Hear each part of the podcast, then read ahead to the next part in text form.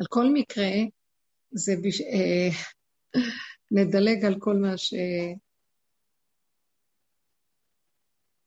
אני לא, אני לא תמיד אה, מכווננת ל... אני, אני יודעת שמטעם מה שאני עוברת ברמה של הדרך, אז אני מעבירה את זה אליכם. המציאות הופכת להיות uh, יותר פנימית ופחות קשורה בעולם. Uh, כאילו העולם, שאני, כשאני מדברת על עולם, אז אני מדברת על uh, המציאות הרגילה של כולנו, שאנחנו חיים פה.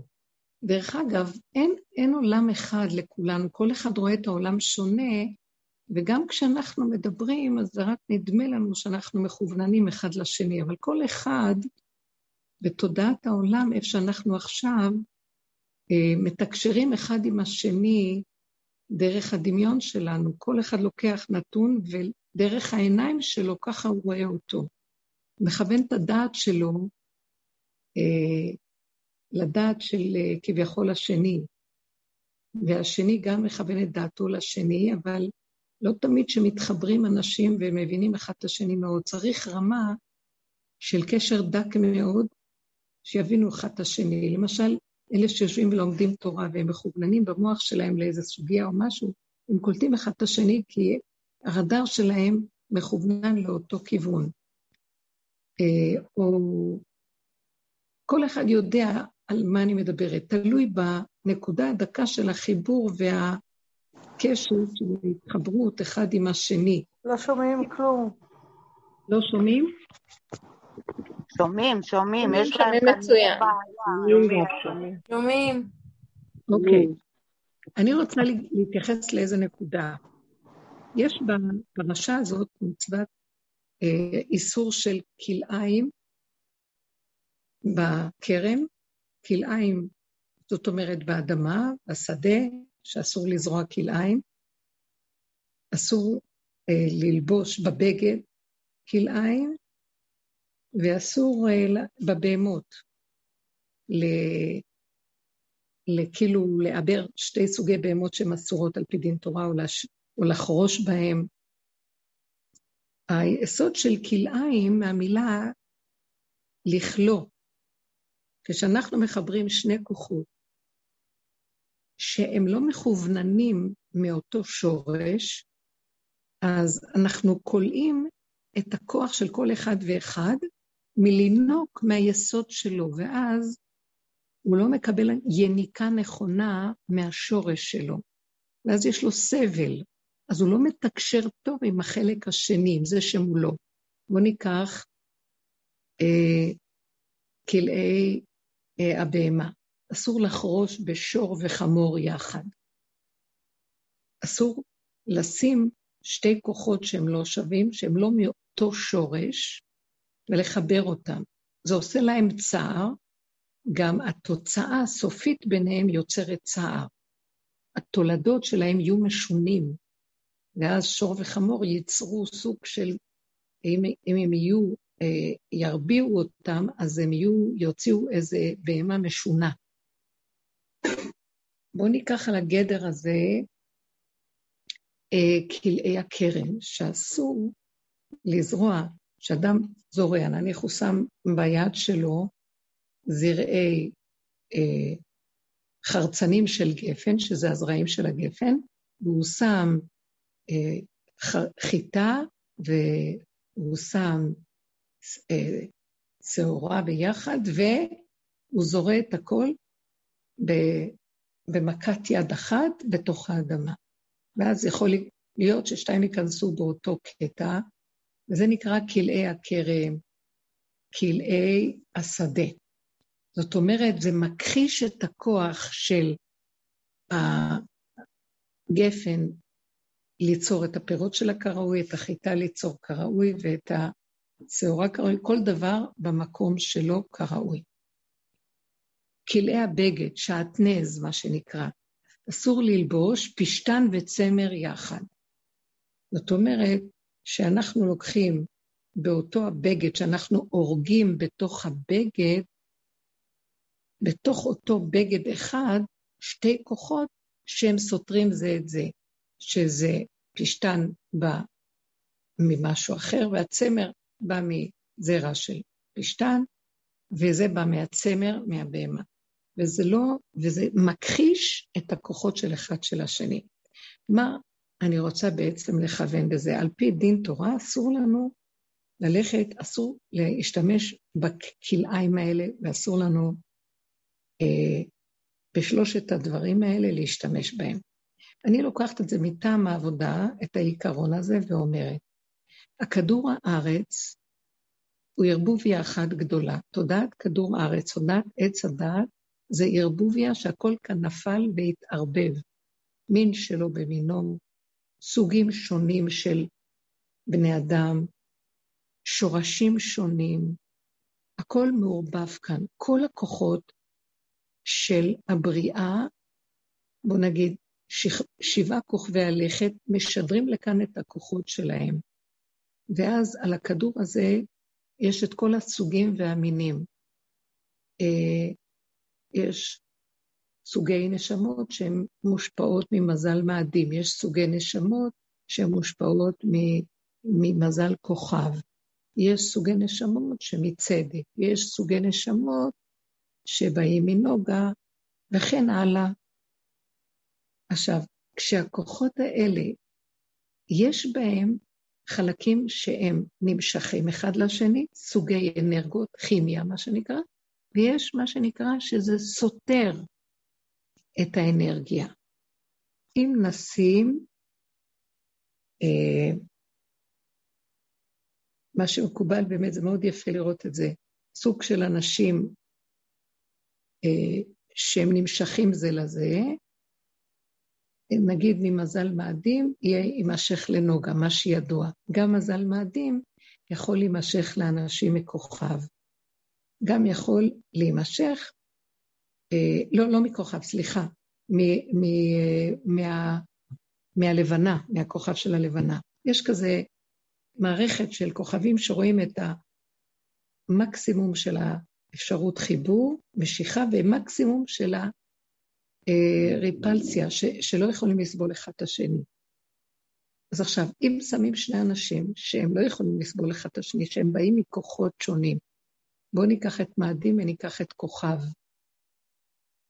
זה נקרא אה, לעז מרקורי, שזה כוכב, ומאדים, שזה מרס. שני הכוכבים האלה, האנרגיות שלהם סותרות בצורה מאוד מאוד קשה אחת את השנייה.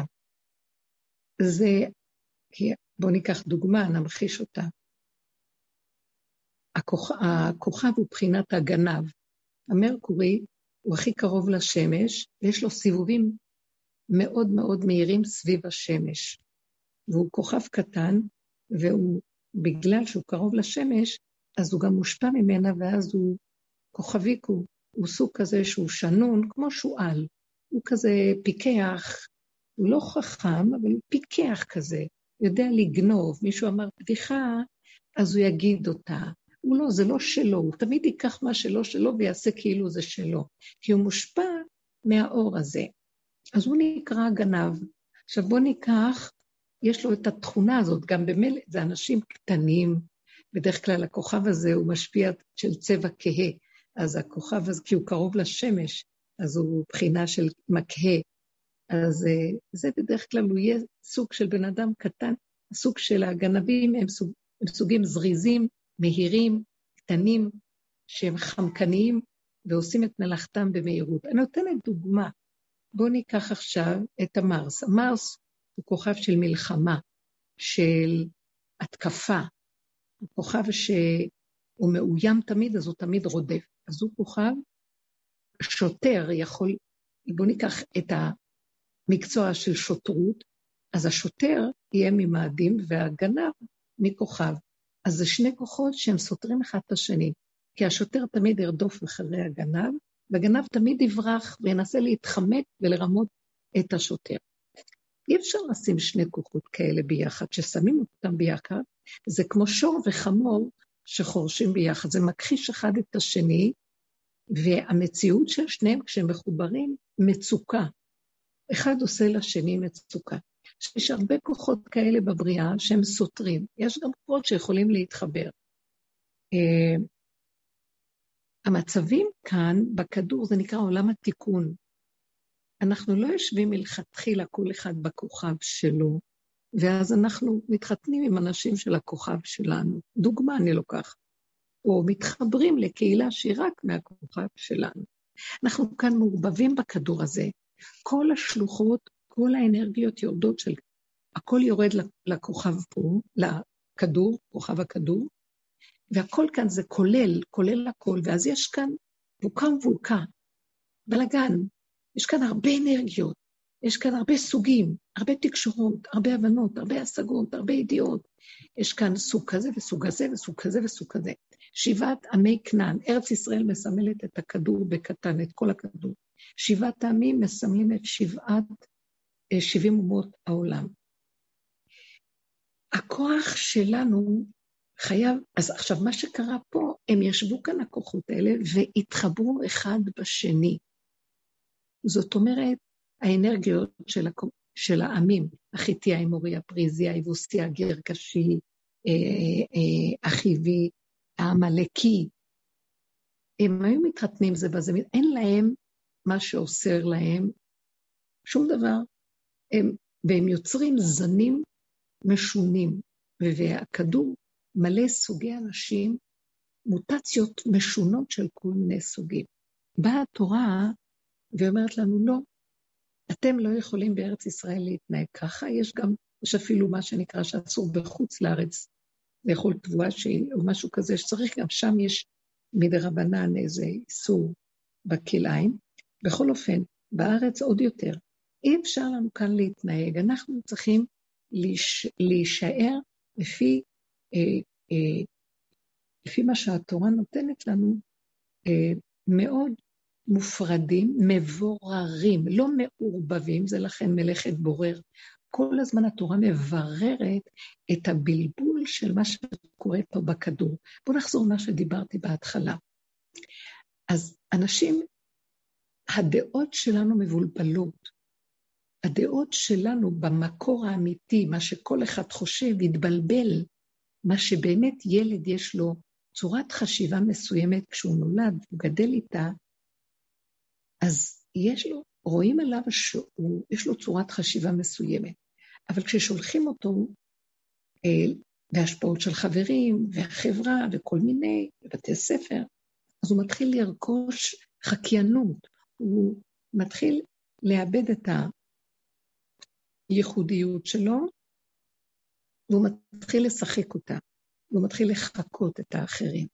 ואז הוא בפנים מתוסכל, בגלל שהוא לא מצליח להישאר נקי עם מה שהוא באמת, וכל הזמן החברה שמתחברים אליה, תמיד יהיה לנו איזה חבר מועדף על אחר, אבל בחברה יש עכשיו רחבות גדולה של כלל, כלל תקשורת, כלל ישראל, כלל התקשורת, כלל האנשים, כלל, הרבה חברים, הרבה אפשרויות, הרבה הבנות, הרבה השגות. ואנחנו מתרחקים מהנקודה האמיתית הקטנה המייחדת אותנו, שהיא מתאימה ומייחדת אותנו, והיא השורש שלה, שממנה אנחנו יונקים, ויש לנו חיים טובים. עכשיו, בתרבות שלנו התרסקנו, התפזרנו מדי, ואנחנו נקראים עולם התיקון, אנחנו מתפזרים. כל מיני סוגי חתונות, כל מיני אנשים מתחתנים.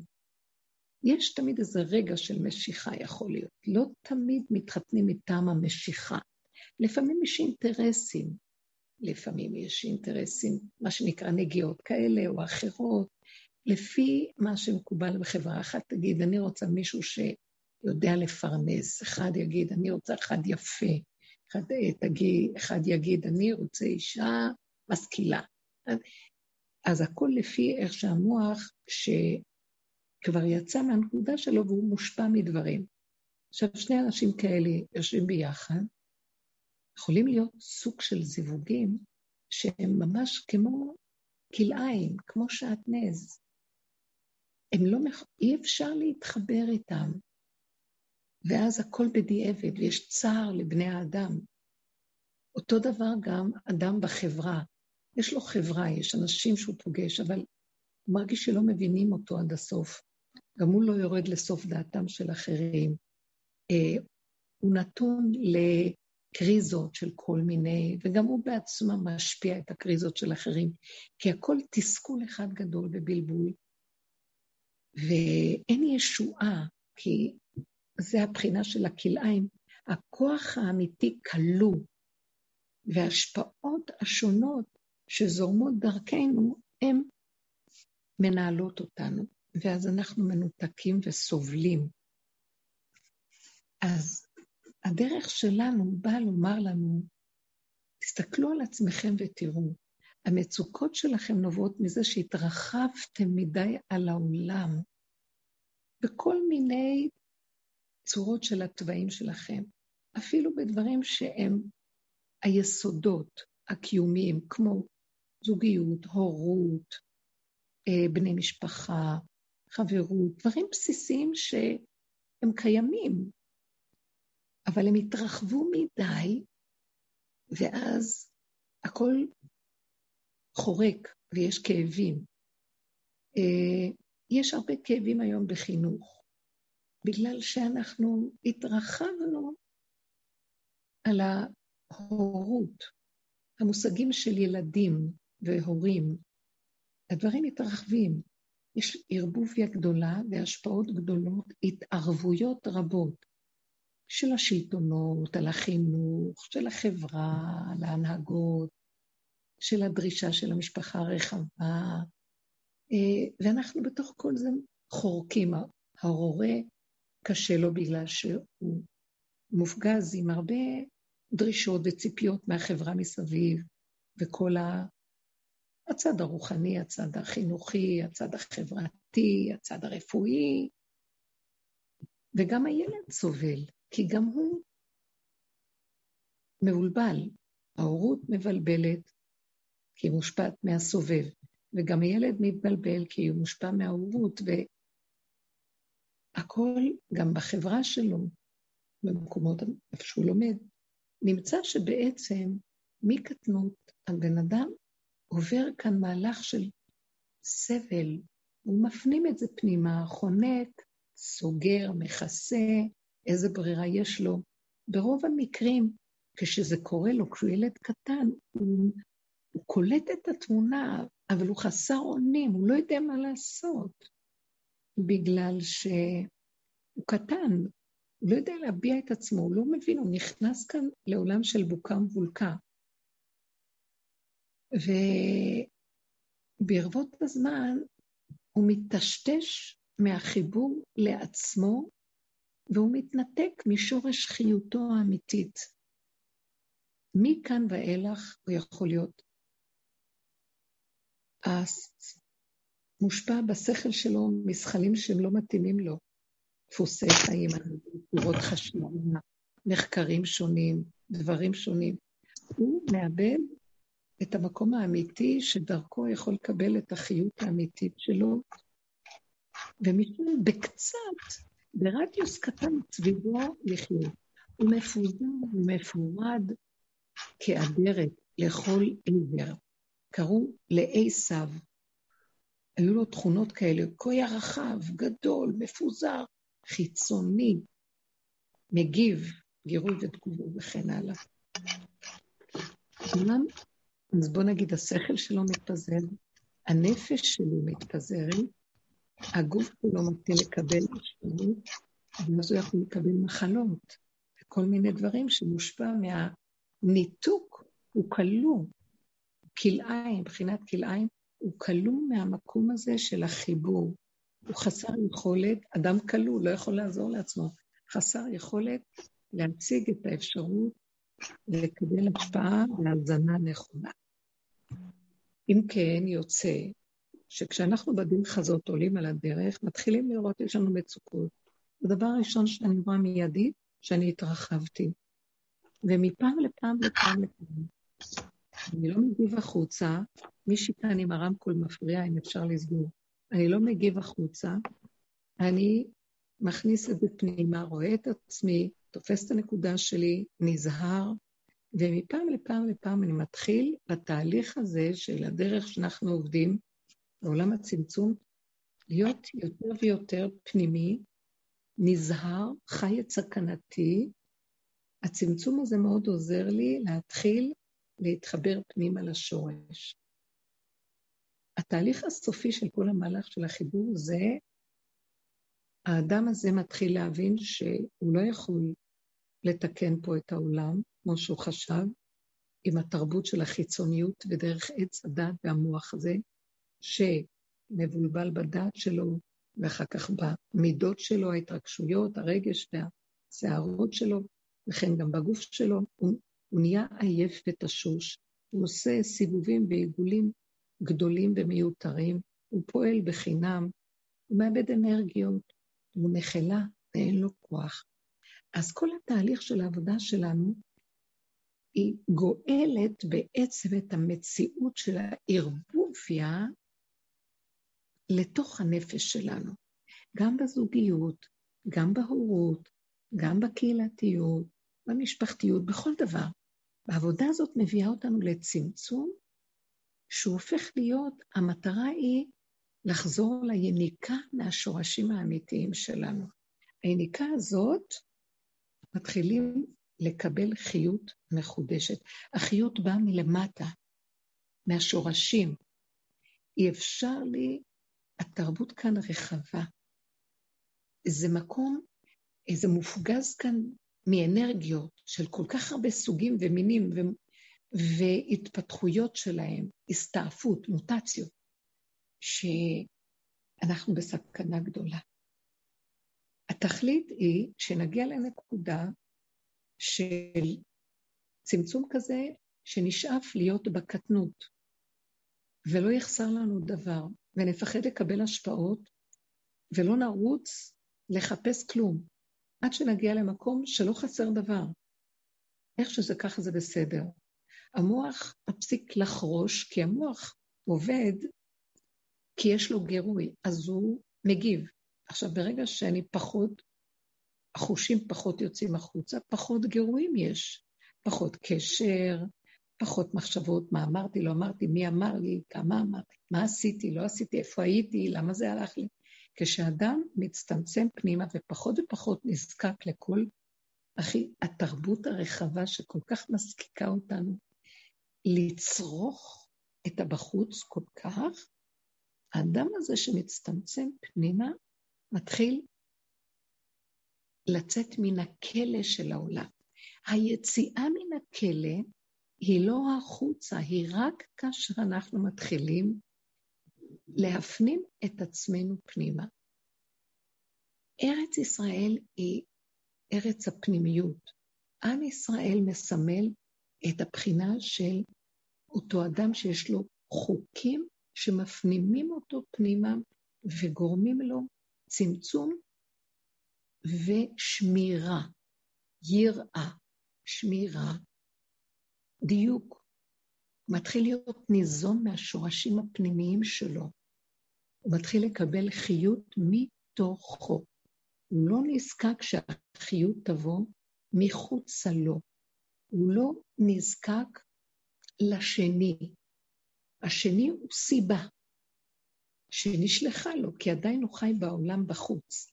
אדם שנכנס פנימה, באמת, הסיבות מבחוץ כבר הופכות להיות קטנות וקטנות, ויותר מבפנים. זה, הוא מתחיל לקבל חושים שמראים לו את הכיוון הנכון.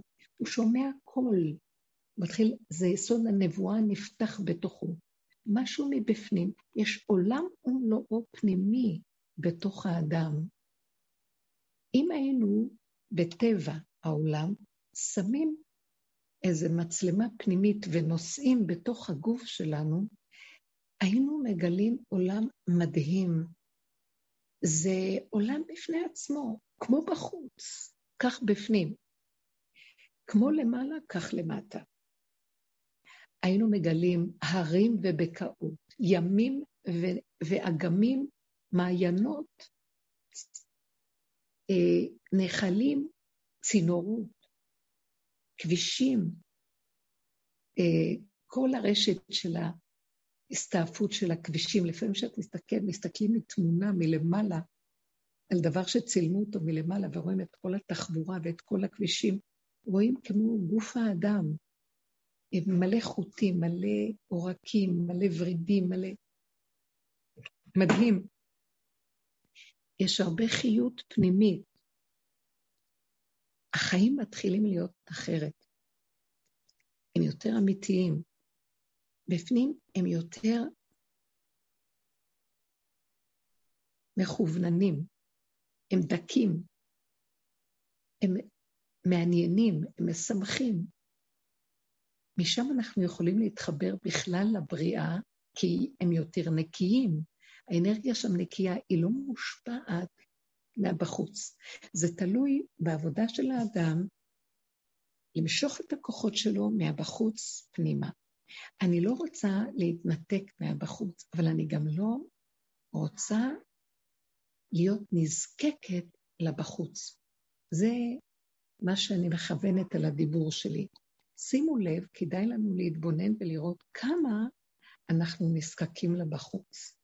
אפילו, בוא נאמר, אני לא בחוץ, אבל המחשבה שלי ביני לבין עצמי על הבחוץ, המחשבה שלי על אדם מסוים, המחשבה שלי על המשפחה, המחשבה שלי על פעולה שפעלתי בחוץ וקרה לי כך וכך, המחשבה שלי על איזה הרגש שהיה לי בשעה ששוחחתי עם מישהו. כל המחשבות האלה, כל, הן באות כתוצאה מהקשרים שלי בחוץ. אז מה, לא יהיה לנו קשר? לא. אלא כשאנחנו נפגשים עם העולם, זה צריך להיות יותר ויותר, מי שהולך בדרך הזאת ומעמיק, יותר ויותר מדויק. מה אני באמת צריך מן העולם? כמה אנרגיה אני משקיע כדי לקבל את מה שאני צריך? כמה אני צריך להשקיע חניפות, אה, התגברות על פחד שיש לי מהסובב, אה, קשקושים כדי להשיג משהו, הלוא אני צריך גם להמתין לשני, כי הוא בדרג... הוא בכיוון אחר, ועד שהוא יועיל לעזור לי במה שאני צריכה, אני צריכה כל כך... כל המערכות של הביורוקרטיה, כל המערכות של הקניינות הגדולה, כל... הכל מושפע, אם היינו רק שמים לב כמה התרחבנו והלכנו, זה הופך להיות פשוט, אנחנו תלותים עד כדי אימה וחרדה. ואם משהו משתבש בתלות הזאת ולא מסתדר, חיינו אינם חיים. יש בדיכאון מזה. אנחנו מאוד מושפעים ואנחנו עומדים ותלויים, וזה נקרא בית הכלא שלנו. ברמה הזאת לא יכולה להיות גאולה. אנחנו מחכים לאור שיבוא ויגאל אותנו מזה. אני אגיד לכם, אני מתפללת שיגאל את כל העולם מזה, אבל אני רואה שברגע שאדם נותן יד לגאולה הפרטית שלו ועוזר לעצמו ובונה לעצמו כלים, הוא מכין את הקרקע לנקודה שלו, יותר בקלות העזרה תגיע אליו. וכשהעזרה תגיע אליו, הוא יכול להיות מאלה שעוזרים לאחרים. כשאנחנו מגיעים למקום הזה, ואני רואה, ריבונו של עולם, כמה העבודה קשה כדי להגיע למקום של השחרור הפנימי. גם השחרורים האלה זה רק על ידי, כל פעם אי אפשר להגיע לנקודה יותר פנימה בלי שחוטפים איזו מכה שמעוררת אותנו להפסיק לאחוז בחוץ. האחיזה על ידי המכה מתנתקת, אז יש שוק של קבלת המכה. כמה קורבנות, כמה מעברים צריכים לעבור כדי להגיע למה שאני עכשיו מציירת. נמצא בעצם שכשאני מתבוננת אחרי עבודות שאני עושה ורואה כמה יש לי רחמנות על העולם, אני אומרת, ריבונו של עולם, כמה קשה כל נקודה קטנה וכמה נדרשת עבודה ואיך תהיה הגאולה פה לעולם? ואז אני רואה שחייבים רחמים פה אחד לשני. מתוך הנקודה שאני רואה שהערבוביה פה מזעזעת. אנשים, אני אגיד לכם, במבט פנימי, העולם הלך לאיבוד. הלך לאיבוד מאוד מאוד רחוק. האמת זאת הגאולה. גילוי השם זה האמת, והוא יביא את הגאולה. אז אנחנו כל כך רחוקים מן האמת. האמת היא נקודה אחת קטנה, הרגע, כאן. אי אפשר לערבב אותה. היא לא מקבלת הכלאה. היא השורש. שם זה היניקה הנכונה. איך נביא את העולם למקום הזה? מוכרחים אנשים ששומעים את הדרך להיות רציניים בעבודה פנימה עם עצמם, כי הם האנשים שיכולים להתבונן ולהכיר, וואו, כמה העולם רחוק, ורק לבקש רחמים על העולם. מתוך הצער של המעברים, ושאני רואה כמה כדי להגיע לנקודת האמת, איפה העולם? איזה טירוף, איזה אחיזות, איזה ריצות, איזה חרדות, איזה פחדים, איזה חקיינות, איזה... זה כמו...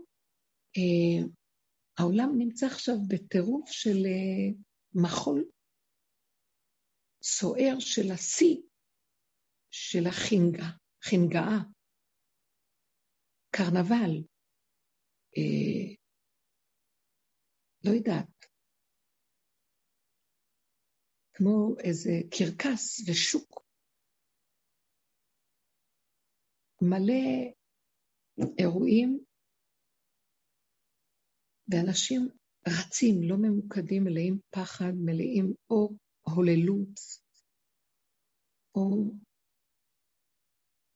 עכשיו,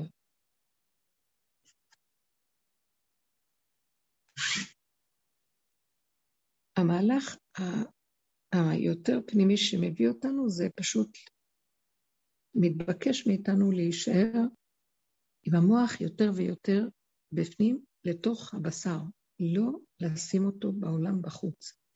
בואו נגיד שעובר עלינו איזה משהו כתוצאה מאינטראקציה בחוץ, ויש לנו איזה סערה או משהו, כמה שנצמצם את ההרגש שלה, כמה שנצמצם את הזמן שעובר לנו ההתרגשות הזאת שמשפיעה עלינו, כמה שנקרר את הגירוי תגובה ונשאר ונברח פנימה. כך נוכל לעזור לעולם, בגלל שזה מעורר אותנו לתפילה. כן, בפנים יש כזה, מתחיל להיות חמלה. מתגלים שם הרחמים. האדם שנכנס פנימה, מבפנים עולה לו האור הזה שהוא אור של רחמים, י"ג מידות רחמים. הרחמים זה מה שהעולם צריך. צריכים לבקש רחמים על העולם. על הילדים, על האנשים מסביב, בני הזוג, החברה. ככל שאנחנו יותר פנימיים, יש יותר תפילות של רחמים על העולם. ככל שאנחנו יוצאים בעולם ומתערבבים באינטראקציות, אנחנו מגיבים, לוקחים ברצינות אחד את השני, נופלים בתוך החשיבות והעולם והחקיינות שלו, מחקים אחד את השני ונכנסים בתרבות הזאת, אז דין ורוגז מופיע, וטענות, מענות, ויכוחים, ציפיות, דרישות, ביקורת, שיפוטיות.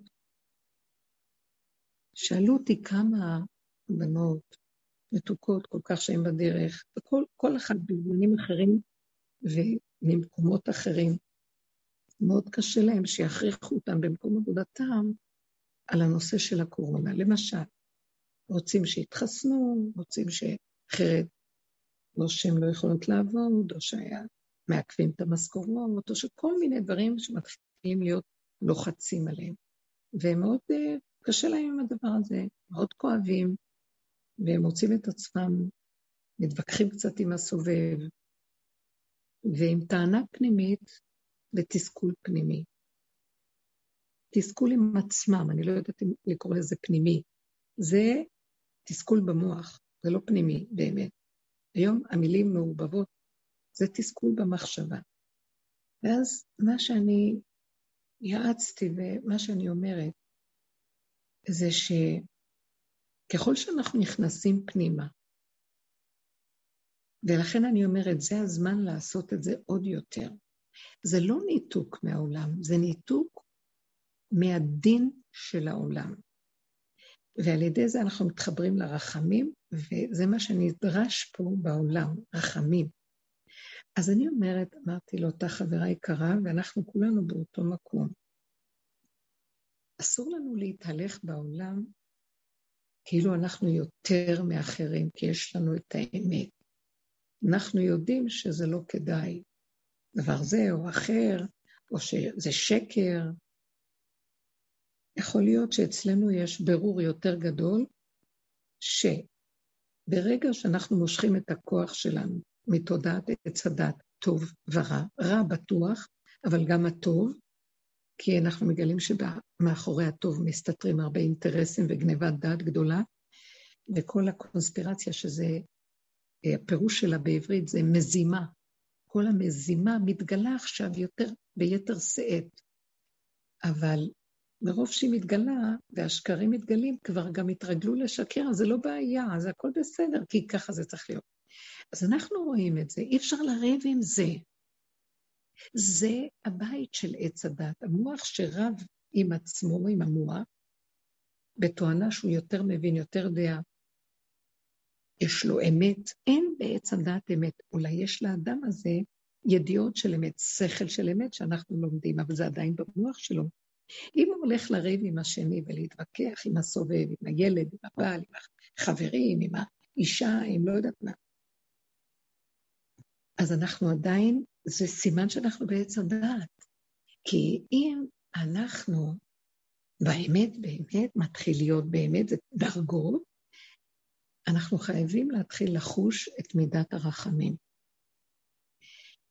והרחמים האלה מתנהגים אחרת. אדם שנכנס יותר פנימה ויש לו רחמים, הוא לא יתווכח עם הסובב יותר. מידת הווכחנות והנצחנות נגמרת. מידת ההתנשאות, אה, תגידו, יש מה שנקרא, שאדם צריך להתנשא עם האמת, ויגבה ליבו בדרכי השם. יש, יש מקום כזה שמול העולם שהוא שקר, אני צריכה לעמוד בחוזק ולא, ולא להוריד ראש מול השקר, כי רק ככה אני אוכל להישרד, אם לא, יכחישו אותי פה, יגמרו עליי. ובכן, זו סכנה נוראית. ברגע שאני מרימה ראש ומתווכחת על האמת, אם בתוך עץ הדת מול כביכול השקר, מיד יבוא השקר ויקבל יניקה ממני, כי אני עדיין באותו רמה שלו, אני באותו קו משדרת, ויכוח, כוח, אני משדרת כעס, מלחמה, אז זה מעורר את השני. הצד השני יבוא וינוק. דרך אגב, הם מחכים לזה. הצד השני מחכה להתנגדות. הוא מחכה לריב. מחכה להתווכח. הוא מחכה להתנצח. הוא שש אלי קרב. אני שלום וכי אדבר הם על המלחמה. יש להם כוח שהם יונקים מהתגובות שלנו, וזה מפריע לאור החדש להתגלות ולמשיח, שזה האור החדש, לקבל כוח מנושאי כליו, שזה אנחנו, תמיכה. אז אנחנו צריכים להיזהר. אמרתי לאותה חברה, אמרתי לכמה חברות, דוגמה, מה שנראה לי זה שאל תתווכחי. אם את לא יכולה לשאת את ההנהגה, את צריכה לעזוב את העבודה הזאת. אין משוא פנים פה. צריכה לעזוב, אם חברה לא מתאימה לך, במעמד החדש של העולם יוצא קול של כרוז של אליהו הנביא, שנשמע, מי להשם אליי? אתם לא יכולים לזגזג ולפסוח בין שני הסעיפים יותר. בתרבות של העולם כן. יש לך רעיונות יפים, הרבה דעות, יש עבודה, יש שיטה מאוד מעניין, אנחנו עובדים, יש לנו סיפוקים מזה, יש לנו במה להיאחז, ואנחנו גם בעולם. לא, לא, לא, לא, יש קריאה גדולה מאוד. כלאיים, שעטנז, לא תחרוש שור וחמור יחדיו. אי אפשר. זה יוצר כאן מוטציות משונות של כוחות, שהם כולאים אותנו ואנחנו בסבך שלא יכולים לצאת מפה. זה מאדיר את ה... הם יונקים את הכוחות האלה. תודעת עץ הדת יונקת, זה נחש יונק. אין לי טענה עליו, במגרש הבית שלו הוא. אם אני הולכת להתווכח איתו, זה מגרש הבית. על כן אנחנו צריכים להתפלל על משיח בן יוסף, שארמנוס הרשע לא יהרוג אותו, לפי אה, מדרש חז"ל. שאנחנו צריכים, כי יוסף הצדיק הוא מושל בארץ מצרים. אז יאמרו המושלים, בואו חשבון. כך כתוב במשלי. אז המושל, הוא עוד מחזיק בשלטון ובכוח, ושכל יש לו. הוא מכלכל את דבריו, הוא מחשבן, הוא רואה, הוא אומר מול דבר. מי זה מחשבן? אחד ועוד אחד נקרא מחשבן. אז יש אחד ויש עוד אחד. הוא עדיין בארץ מצרים, הוא עדיין בתודעת עץ הדת, אבל הוא שליט, הוא משנה למלך, הוא שולט, הוא צדיק, הוא עומד בצד החיובי, והוא נותן מלחמה כל הזמן לרשע. ואז יש תמיד צדיק עולה, רשע נופל. רשע עולה, צדיק נופל. והמלחמה התמידית. ויכול להיות שיש שלב, וזה הסוף, זה מאוד מפחיד, שזה מה שאומרים לנו, תתפללו על משיח בן יוסף שהוא עתיד כביכול למות במלחמה מול ארמילוס הרשע, תפללו שלא ימות. כי ארמילוס בסוף יתגבר עליו, כוחות השלילה של עץ הדעת, כוחות של עץ הדעת, ויאכלו אותו. כי הוא נותן להם כוח על ידי ההתנגדות שלו, על ידי ה... אה, שהוא נותן תשומת לב, אנרגיה, יחס, רגש לצד שמולו. אם כן, לקראת הסוף תבוא הקריאה, חבר'ה, תקשיבו, זה לא הולך פה ביחד הכול. אתם לא יכולים להמשיך את החינגה, את החגיגה ואת הקרקס הזה. אפילו אם תרימו את כל הדלג, הדגלים הטובים של העולם, זה לא יעזור. נשאר דבר אחד, תתכנסו פנימה ותתחילו להרפות. תתחילו להרפות. אחיזה מעולם הרע כבר עזבנו כביכול, והוא מתלבש לו בטוב. מהטוב תעזו, לא להתווכח, לא להתנצח, לא לרצות להראות לשני, תשמע, אתה טועה, בוא אני אעזור לך. אפשר להגיד פעם אחת, לא יותר. השני לא רוצה, שלום. הכנעה. זה לא הכנעה לשני, זה צמצום פנימה. הצמצום הפנימי הזה מביא אותנו להישמר בדלת אמות פנימיים, לנתק את הפלאגים שלא ינקו מאיתנו בתודעה החיצונית, ואז כנגד זה אנחנו מתחילים לקבל חיות מלמטה. כי גם האלוקות שמתחילה להעניק אותנו, מאוד מאוד נזהרת שהיניקה לא תדלוף החוצה, היא לא מעוניינת להעניק אותנו כשזה דולף החוצה. יש שמירה מאוד גדולה, והזר הקרב יומת. תקשיבו, זה מסוכן. אלה שהולכים פנימה ויש להם עבודה, הם לא יכולים לשחק איתה יותר, עם העבודה. אם הם משחקים ועוד חושבים ומדברים, ויש להם כל מיני, והם גם רוצים... אז uh, האלוקות בורחת משם, היא לא רוצה שינקו ממנה, אז מנתקת. ואנחנו עוד פעם מדומיינים כאילו אנחנו בעבודה, אנחנו, יש לנו קשר, מדברים עם האמת, אבל אין מה להתפעל. מי להשם אליי? צמצום פנימה, אה, ניתוק הפלאגים, ולהשאיר קטן קטן. ואנחנו בעולם, אבל בקטן, כשעל כל דבר מיליון פעם לחשוב, שייך, לא שייך. האנרגיות חייבות להיות מרוכזות פנימה, ואם אני בתוך עולם ואין לי ברירה, להיזהר שלא לדון ולא לשפוט ולא להיכנס במגע קרוב מדי שיגרום לי לאיזה פרץ של התרגשות, של לחץ, מתח, כעס, קנאה. אי אפשר להכיל את זה. מי שחי בתוך הגולם באמת בפנים, זה גומר עליו, כי הוא כל כך עדין כבר, שהמגע שלו עם הבחוץ, אם יעלה לו טיפה של קנאה, הוא נשרף, הוא לא יכול להכיל. זה גומר עליו. נהיה יותר ויותר רגיש ועדין. ככה הוא משמר את הנקודה על מנת שלא יהיה יניקה ממנו ואלוקות יכולה להתגלות דרכו ולתת לו חיות.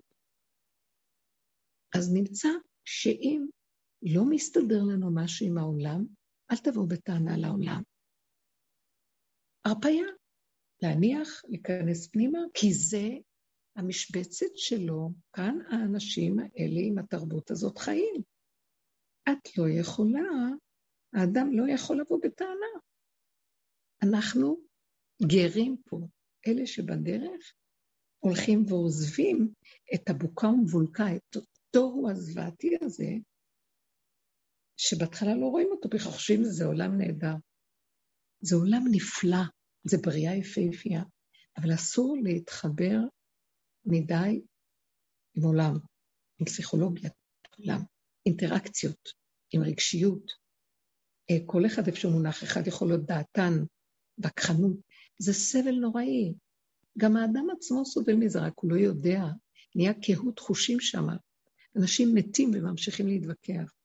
אנשים מתים וממשיכים לכעוס ולשנוא. ואלה שנכנסים פנימה, הרגישות והעדינות על רף כל כך גבוה, שאי אפשר להם להכיל, נכנסים פנימה. מה שאני מציעה הוא פשוט להיזהר, לא לדון, לא לשפוט, לא להתווכח, לא להתנצח, לא להגיב רגשית או שכלית, ולשתות, לצמצם פנימה, לקבל. לקבל, להשלים ולסגת פנימה, ואם הייתה מכה קשה, כל אחד יודע מה. אז הוא צריך להיזהר לא לזכור אותה, כאילו הוא נכנס מאוזן ימין, יוצא מאוזן שמאל ולא מחלחל פנימה. תמיד המכה של הנחש יכולה להיות כואבת, אבל היא צריכה להיות קטנה. אסור לנו להגדיל אותה. המוח מגדיל אותה, הוא סוער איתה וגורם לכאבים. המקום הזה, כאילו נראה לנו בעצם שאנחנו בעצם נותנים לעולם לנצח אותנו. כפרה שינצחו. היה לי השבוע, אה, הייתי צריכה להעביר משהו, וכל כך מעט זמן, אבל בכל אופן, התגובה של מישהו שהיה קשור לזה, אני עברתי ושכחתי לשים את המסכה. אז הוא התחיל לצעוק מסכה, מסכה, מסכה. אז אמרתי, אוי, לרגע הסתכלתי עליו, ואז הוא התחיל, הוא נכנס לטראנס כזה של דיבור. הוא הוציא את כל הבהלה והצעקות שלו. סכנת עולם, סכנה, כולם ימותו. אם לא ישימו מסכות ואם לא יתחסנו. כולם הולכים למות. אם עכשיו אני אצטרך חיסון חמישי, שישי, שביעי, אני אלך על זה, כי אם לא, כולם ימותו. והוא צעק, צעק. והוא התחיל uh, לזרוק כל מיני מילים. אני הסתכלתי עליו וישר אמרתי, אוי, אוי.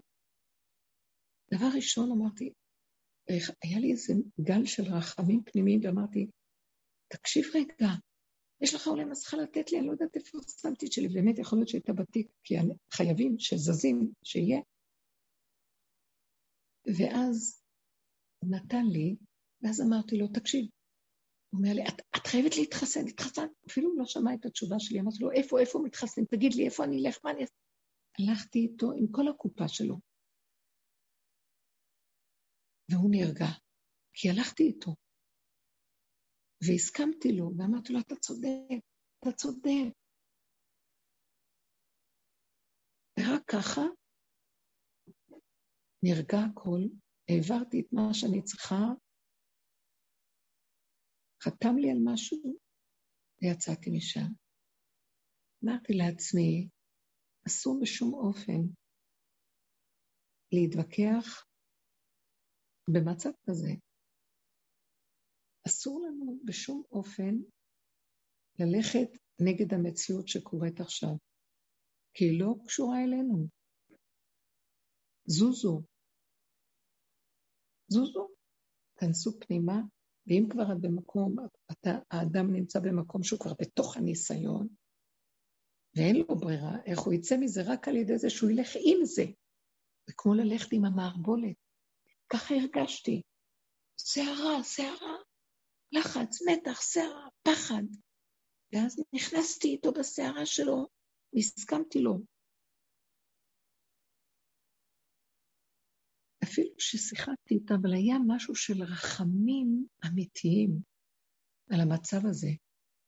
ומשם יצאו לי רק תפילות להשם שירחם עלינו.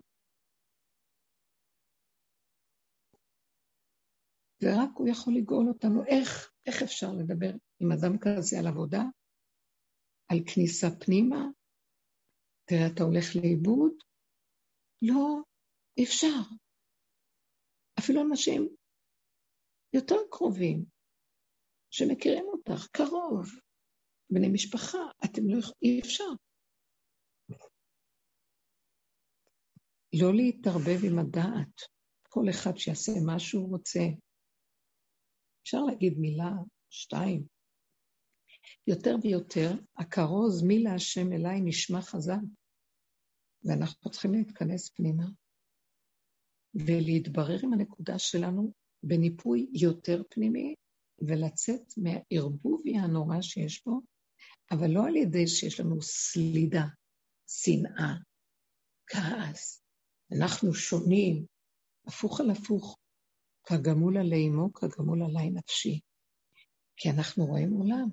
זה בני ביתנו, זה אנשים מסביבנו, זה הכל יהודי, כל מה שעובר הוא סתם בני אדם גם. יש רחמנות. יש רחמנות. יותר ויותר לסגל, אני מציעה, זה טוב לנו עכשיו במקום הזה, לסגל את המקום של לסגור את המוח מלחשוב ולהבין ולהשיג ועם עצמנו להתווכח, יותר ויותר להפנים פנימה ולהוריד את כל הכוחות לפה, וללמוד לשבת בתוך הנפש, ולהתפלל. עכשיו זה זמן של תפילות, בשקט. אבא תרחם, אבא תעזור לי, תעזור לי לא להתערבב, תעזור לי לא להתרגש, לא ללכת לאיבוד עם האנרגיות. קשה, בשנייה אני הולכת לאיבוד. כואב לי. המעברים שאתה מעביר אותי הם לטובתי כדי לנתק אותי מהאחיזה בעולם שיונקת ממני ומאבדת את האפשרות להיות מחובר איתך. כי אתה לא תיתן שינקו מהקודש. כמה מחיצות יש עד שמגיעים לקודש. בשנייה אני מאבדת את כל העבודה שעשיתי, אין לי כוחות כבר, תרחם עליי, תעזור לי, תעזור לעולם שלך. תרחם על העולם, תראה איך הכל נראה פה. זה להוריד ראש ולשרת את הנקודה כאן ועכשיו לפי הסיבה. בא בן אדם לעזור, לתת, להשפיע, בלי מוח, בלי דעה, הבנה, השגה, ויכוח. בלי כוח מול כוח. זה מסוכן. זה תופס שם, שם נתפסת האנרגיה של מזימה. ואנחנו חייבים לעשות ניתוק מהמזימה, מתרבות המזימה. זה התרבות של הזימה, מזימה. זה לא תרבות של ישרות, של חיבור. מה זה זימה? זה המין שלו במינו, זה הכלאיים, זה שימוש באנרגיות שהן לא נובעות מהשורש הנכון, אלא מכוסות, כאילו כלואות, ויוצרות חיבורים משונים של אינטרסים, שיש בהם חקיינות וכל מיני פניות ושוחדים. אז אה, זימה, זימה היא. זה כמו זנות. אנחנו מזנים את הנפש ותרים אחרי דברים חיצוניים שמנתקים אותנו מהחיות של הזיווג האמת הפנימי ליחידה, לשורש החיים, לדופק, שאם אנחנו מחוברים שם ויושבים שם, אז הזיווגים האמיתיים מגיעים. חבר טוב לרגע, אה, דיבור קטן עם מישהו שמבין אותי באותה שפה, פעולה שאני פועל ונפתחת הדלת והכול בקלות, השפעה טובה שאני משפיע על הסובב, בלי גניבה של חשיבות וגדלות והתנשאות וגאווה. אני מחובר לזיווגים הנכונים. אנחנו עייפים מזיווגי שקר. אנחנו עייפים מנישואי כלאיים. אנחנו עייפים, הנשמות לא, לא מחוברות טוב. זה כאילו זיווגי התיקונים פה. זה לא אמיתי, אין כבוד, אין שקט, אין חיבה, אין הגינות, אין מבט קטן של חיבור, מילה מספקת. הכל גס, קשה, מכאיב, מכה. עם הארץ מכה ובועל, ואין לו בושת פנים. כך כתוב בגמרא. כך כתוב.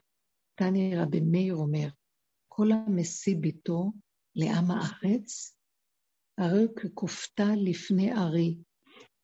מה ארי דורס ונוהם, כך עם הארץ מכה ובועל ואין לו בושת פנים. הקונספירציה אין לה בושת פנים. היא טורפת את הבן אדם.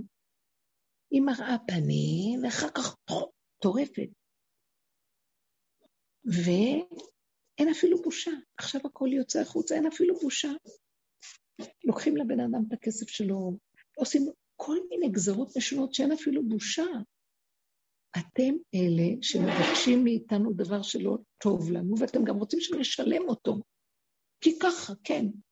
זה כבר אין בושה. המציאות הזאת זה זיווגי הסרק.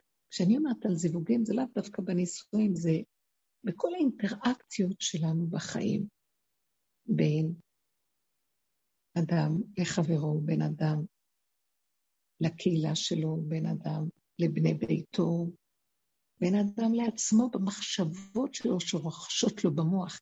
כי המוח חיצוני, יש הרבה, יש שם זה רשות הרבים, יש הרבה מחשבות, הרבה רשמים מהעולם שחוזרים אלינו. אם כן יוצא שמה שנדרש מאיתנו, וזה המסר שאני מרגישה ממש מבקשים מאיתנו את הדבר הזה, להתכנס יותר בדלת אמות. זה לא אומר שמתנתקים מהעולם. צריכים לעשות את מה שצריך, הולכים לפה, חוזרים, יש לנו את הפעולות, יש לנו את התפקודיות, את הדברים שנצרך לנו. הולכים ופועלים ועושים. מיכה, מיכה.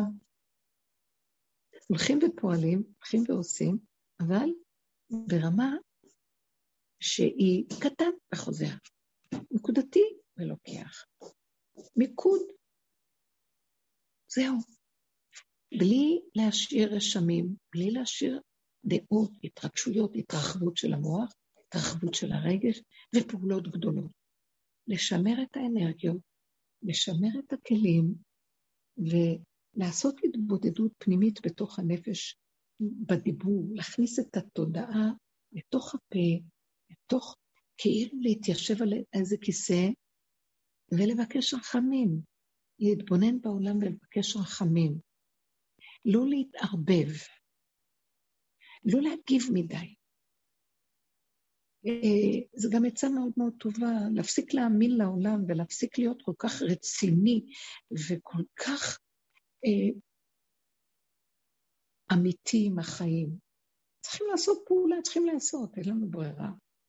לא חייבים, הרגש הזה לעולם חייב להתקהות על מנת שנוכל לקבל אפשרות של יניקה ואנרגיה מהכיוון החדש, שזה החלק השני של הכדור מהצד השני, זה בעצם עולם הפוך ראיתי, עליונים למטה ותחתונים למעלה.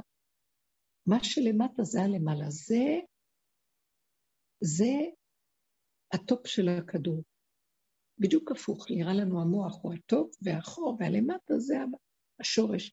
זה עץ הפוך, שורשים שלו למעלה. שמה זה הרובד העליון של הכדור, שמה זה בית המקדש, החלק הגבוה. שמה זה אנרגיה של האור האלוקי. שמה זה הניקיון והיחידה והאמת ועולם האצילות, שזה אין כלאיים בעולם האצילות. זה מה שנקרא החומר האצילי, הראשוני, לפני שהתחברו אליו עוד תוספות. שמה הגאולה. שמה הגאולה. שמה הגאולה. לא יכולה להיות גאולה בתוך עולם הריבוי. ואם אנחנו, אנחנו מתבקשים מטעם שיש איזה כרוז שאומר, תשמרו לכם. עוברת רוח שערה על, על העולם, תשמרו פנימה. אין לאן ללכת פנימה. קיבלנו הרבה כלים. הפנים הזה, שם הכול מתרחש. ואחר כך משם מלבלב לו, וקם לו הנחל נובע מלמטה. הכל נובע משם, ואחר כך זה מתראה החוצה. הבחוץ הוא לא יהיה כמו הבחוץ פה, זה יהיה בחוץ אחר. ואז אה, זה מה שאנחנו מתבקשים, וזה שומר עלינו גם שנשמר מהערבוביה הזאת מי יעלה בהר השם ומי יקום במקום קודשו. ההר נמצא הפוך. אבן השתייה זה ההר מהצד ההפוך. נקי כפיים ובר לבב, אשר לא נשא לשווא נפשי ולא נשבע למרמה. יישא ברכה מאת השם וצדקה מאלוהי ישעו. זה מה שאנחנו מבקשים. שה... דור, אנחנו דור שמבקשים את פניו, אנחנו אלה שהולכים. אחרים, יש הרבה שהיו, נמאס להם והם מחפשים. ברגע שאנחנו נהיה ברורים עם עצמנו מה הכיוון שלנו, נוכל גם להיות כוח שמשתמשים בו, הנשמות הקדושות שבאות לגאול עכשיו את העולם, צדיקי עולם, גדולי עולם באים עכשיו לעזור לעולם לגאולה. הם צריכים את הצינורות שלנו, והם באים בתוכנו ועוזרים. אז תעשו את עצמכם כלים, ודרך זה נמשוך עוד אחרים, מושכני אחריך, נרוצה, הביאני המלך חדריו, נגילה ונשמחה בה. השם יזכה לנו באחדות, באהבה וחיבור שלם פנימה, כולנו כאיש אחד בלב אחד. תודה רבה לכם בשבוע טוב. השם איתכם, השם איתנו. תודה. שבוע טוב. תודה רבה, שבוע טוב. שבוע טוב. תודה לכולכם. אוהבת אהבה רבה, מת השם יתברך. אמן, שבוע טוב. שבוע טוב, תודה רבה.